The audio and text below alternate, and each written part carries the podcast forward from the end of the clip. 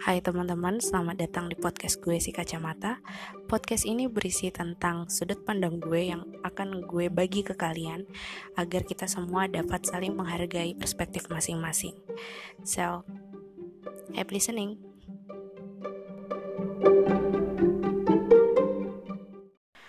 Hai semuanya, kembali ke podcast si kacamata. Sekarang jam 7 lewat 16 malam di malam minggu akhir bulan ini. Di mana gue pun males mau keluar malam minggu karena tanggal tua. Dan I don't have a boyfriend so I don't think I could go out. Instead of I honestly don't really like in the crowd. Jadi ya sudahlah di rumah aja terus tadi sebenarnya scrolling scrolling bosan. Akhirnya apa ya pengen gue omongin. Akhirnya gue setting up mic. Serba salah tadi sebenarnya. Mic dari headset bluetooth gue ternyata kadang suaranya muncul kadang enggak.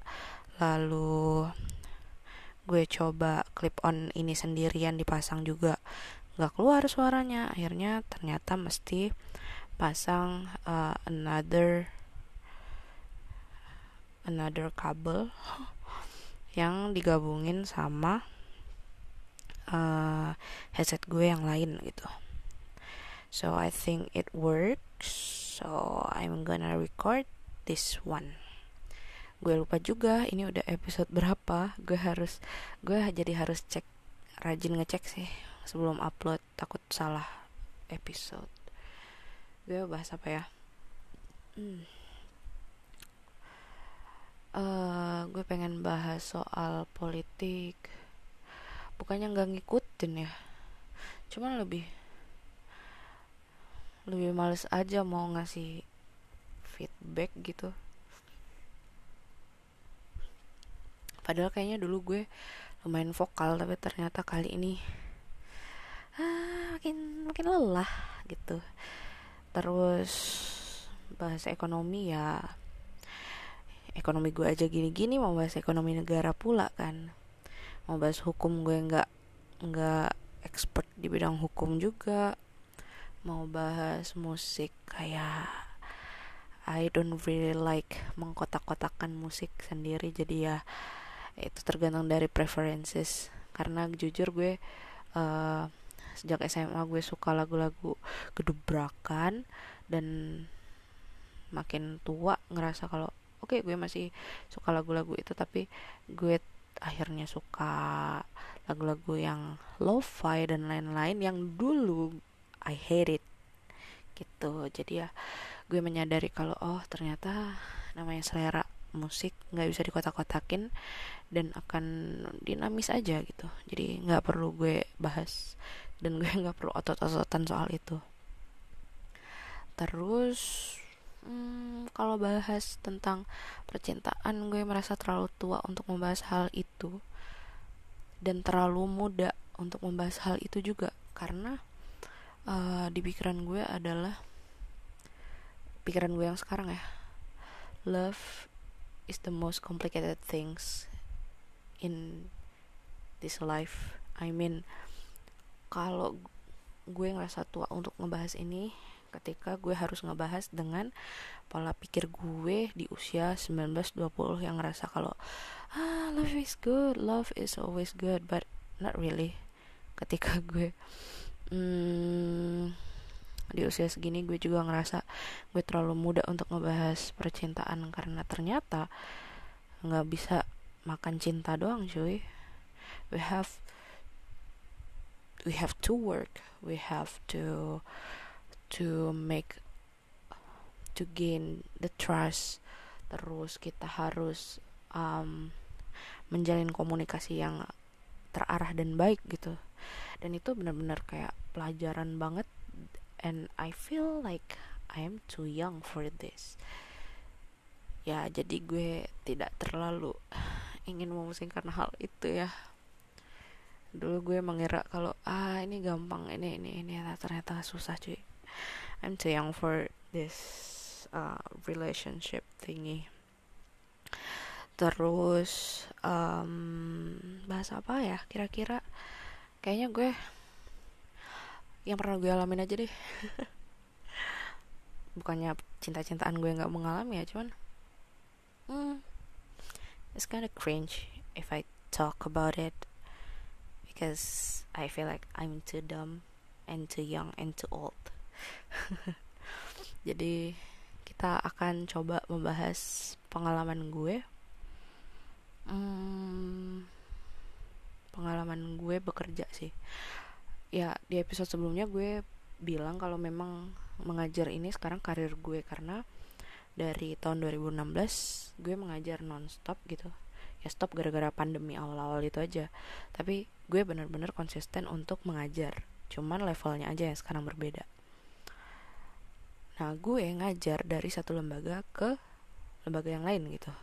Dan waktu itu sempat memutuskan bikin lembaga ke kecil-kecilan sendiri.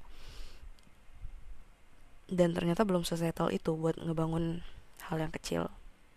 Apalagi gue harus menjalani sendiri dulu kan. Oke okay.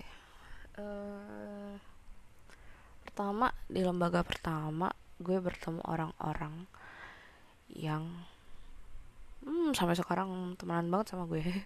Shout out to Cevero shout out to Michelle Sari Aurel Tommy. Teman-teman gue yang sampai sekarang uh, masih kontak sama gue dan baik-baik aja hubungannya dan kita sama-sama udah cabut juga dari lembaga itu. Uh, banyak hal sih gue nggak bisa nyebutin secara gamblang penyebabnya apa karena it's too complicated and uh, depression situation I guess. Hal-hal itu yang memusingkan dulu. Sebenarnya ngajar anak-anaknya nggak memusingkan karena gue sudah menyukai hal itu. Tapi ada beberapa hal yang ya bikin gue dan teman-teman gue tidak betah lah di situ. Akhirnya kalau nggak salah gue yang oh shout out to kak Nia juga. Dia yang terakhir resign kalau nggak salah dua terakhir itu gue tahun 2019 akhir. Ada hal fatal. Ah, hmm, kayaknya bukan fatal deh. Itu cuman kayak apinya doang tapi gue udah numpuk-numpuk sumbunya gitu tinggal meledak aja. Ya udah itu nggak perlu gue ceritain. Yang pasti gue resign akhir 2019 akhir dua eh akhir. Awal 2020 gue akhirnya memutuskan untuk solo nih. A solo teacher. Jadi gue ada murid-murid gue yang dari lembaga sebelumnya ikut ikut gue gitu. Jadi mereka belajar di rumah gue ajarin lah pokoknya. Nah sampai pada akhirnya gue jenuh. Gue akhirnya memutuskan tahun 2000 satu tahun sih 2020 itu selama satu tahun gue berhenti. Gue berhenti uh, untuk ngajar di rumah dan ternyata gladly teman gue seperti di episode sebelumnya dia ngajak gue untuk bekerja sama sebagai teacher untuk anak-anak yang spesial. Nah sampai sekarang lah. Jadi total sekitar 6 tahun masuk 7 tahun gue lupa juga gue pertama kali ngajar bulan apa atau bulan dan tanggal berapa gue lupa. Cuman kalau nggak salah sih 6 tahun lebih udah. Nah udah tahu nih kan jadi semuanya kalau ternyata gue selama 6 tahun itu konsisten untuk mengajar. Dan baru-baru ini baru-baru ini juga konsisten untuk membantu teman-teman yang butuh uh, translate dokumen. I'm a translator tapi yang nanti sumpah. Jadi ya untuk tugas kecil-kecilan bisa lah gue bantu.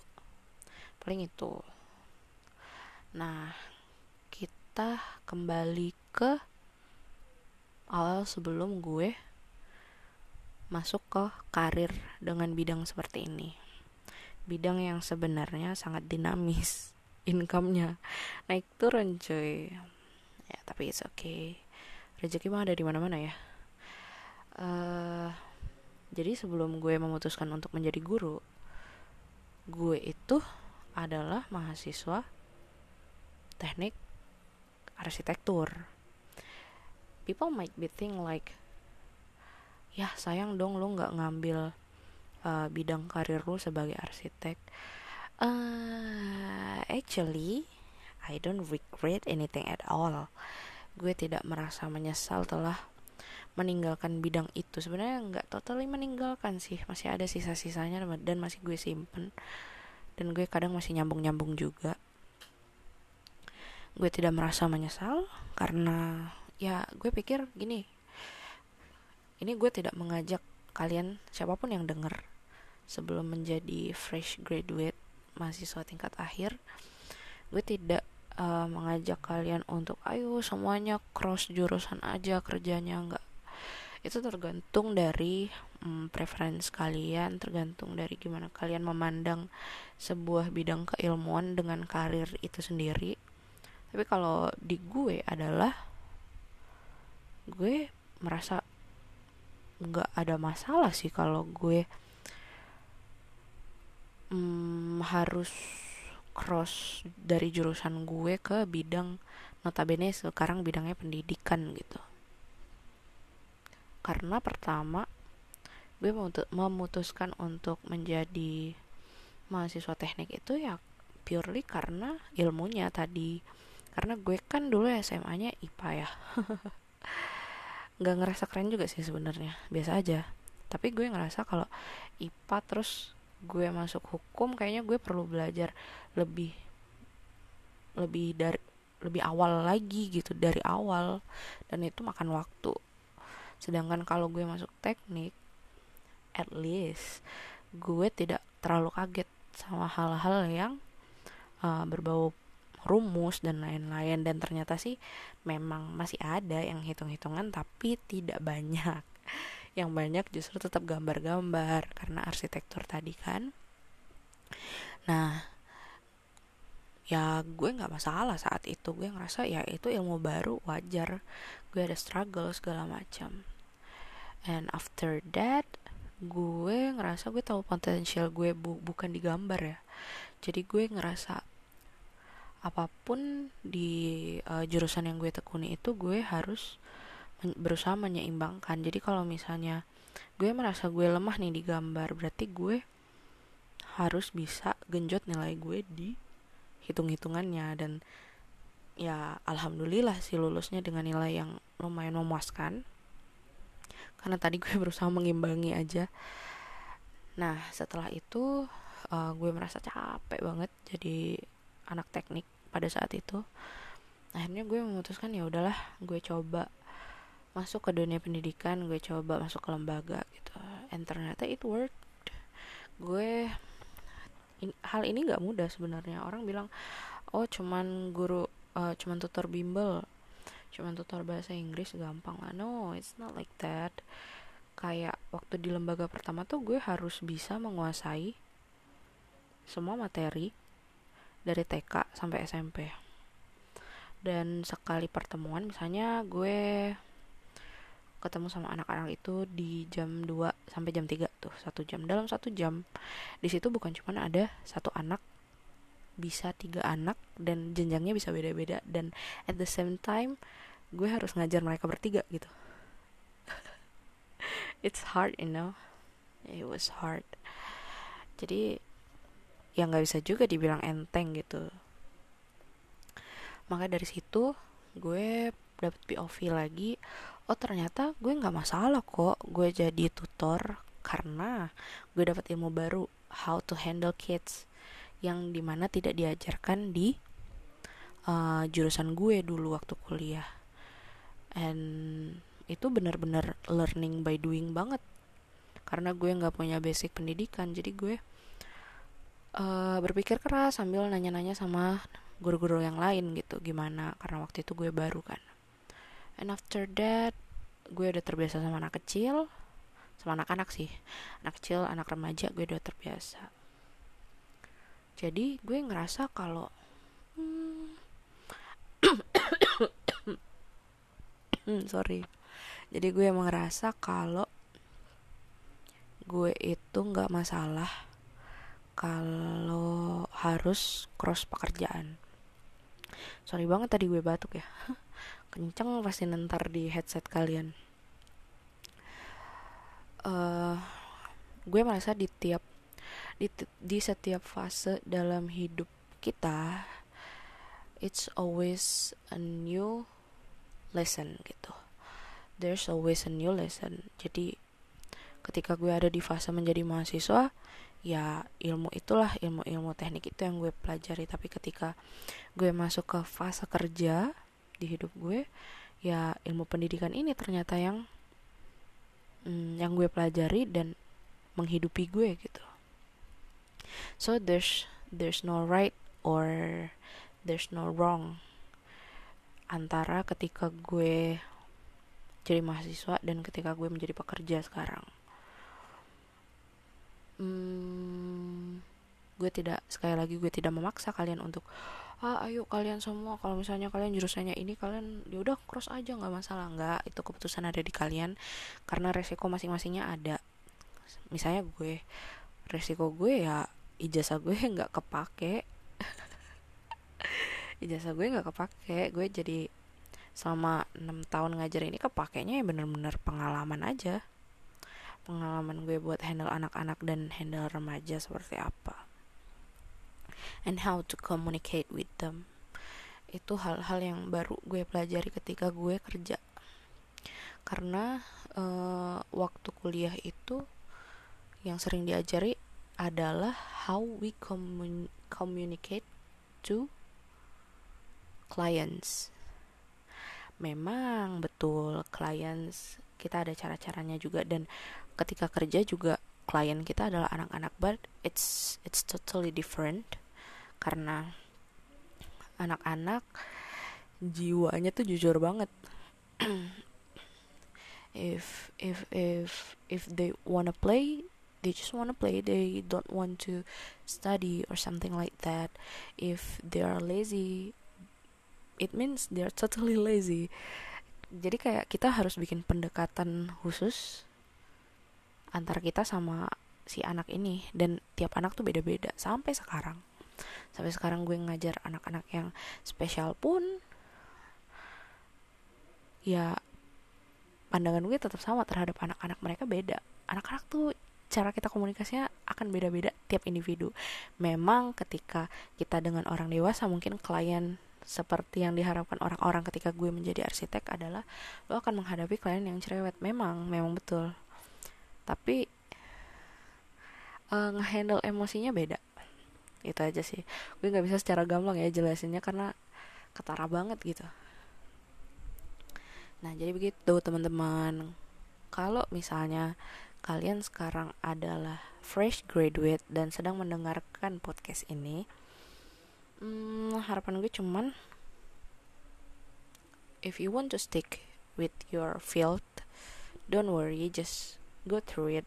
I mean kalau kalian mau mau tetap kerja di bidang sejak kalian kuliah nggak masalah. Good luck for that.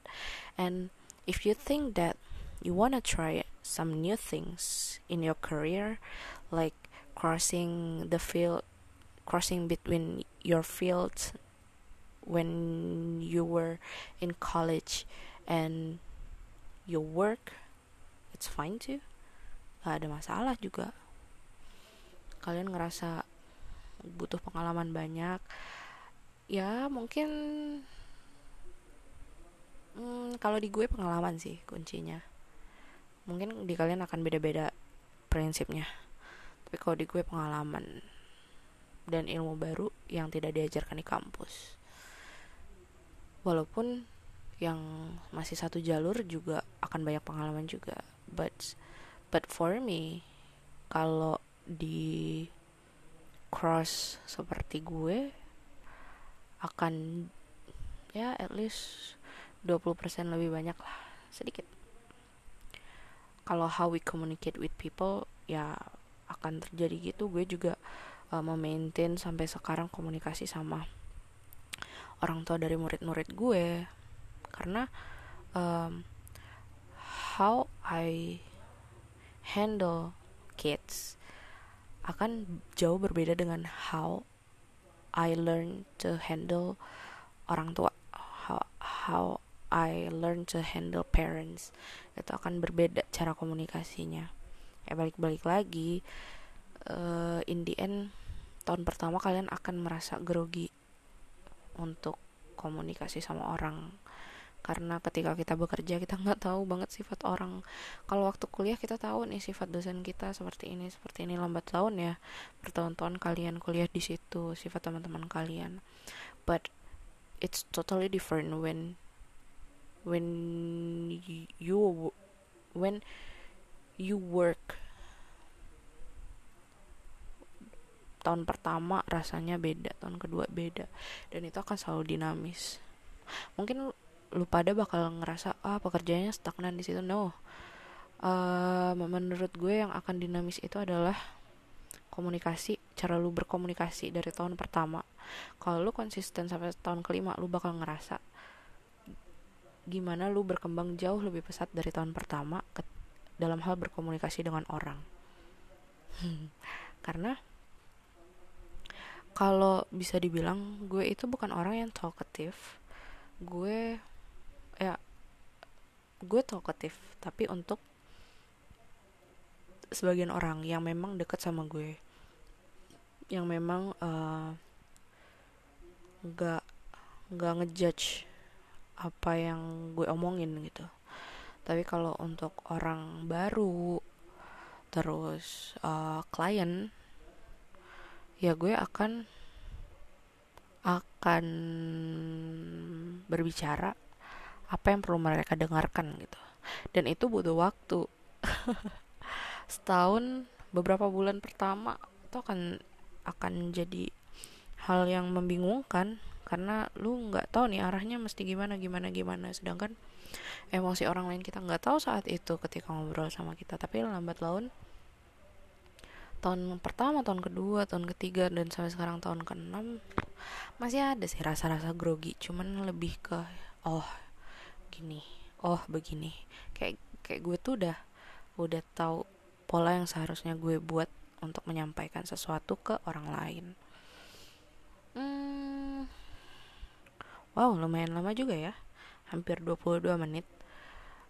Jadi buat kalian yang fresh graduate uh, selain mempersiapkan diri kalian ketika wawancara, ketika kalian diterima CV-nya, amin semoga kalian dilancarkan sampai selesai uh, interview dan diterima. Dan ketika kalian diterima jangan lewatin kesempatan kalian buat banyak belajar.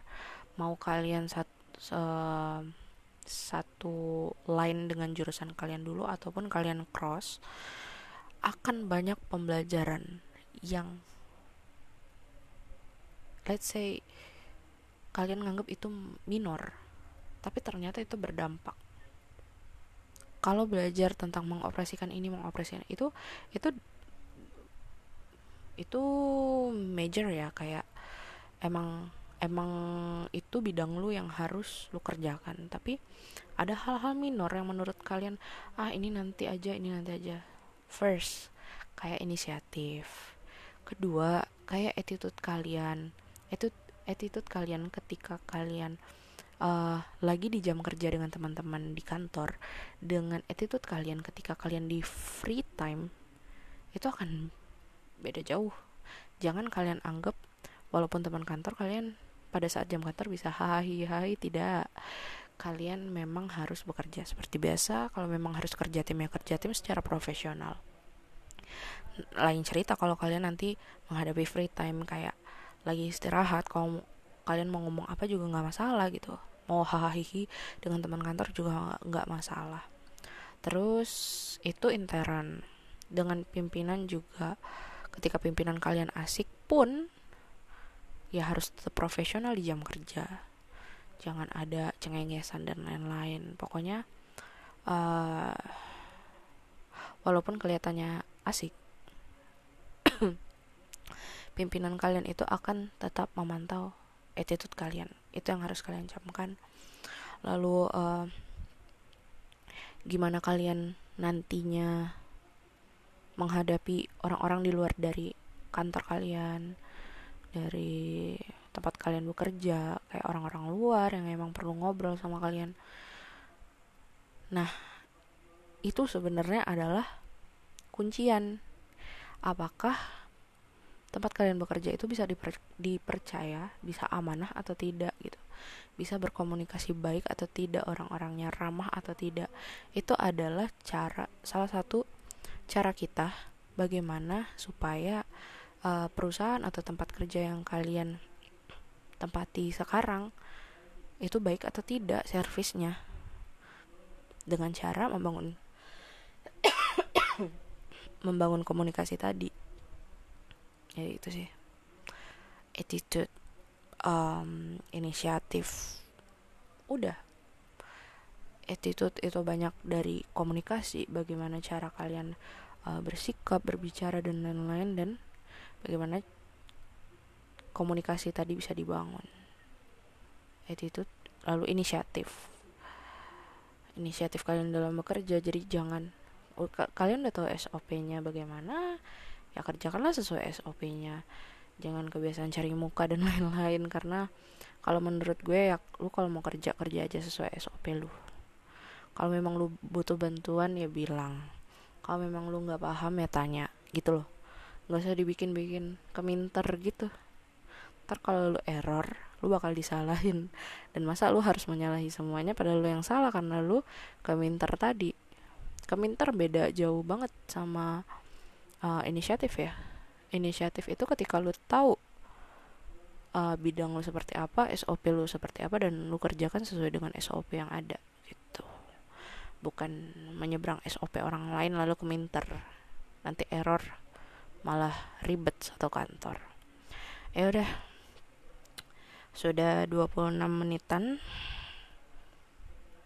Semoga ini membantu dan di tengah-tengah nanti kalian akan mendengar um, sorry kalian harus mendengar batuk gue tadi beberapa kali karena gue keselak uh, see you on the next episode si kacamata pamit jam 7 lewat 43 menit waktu Indonesia Barat di malam minggu akhir bulan.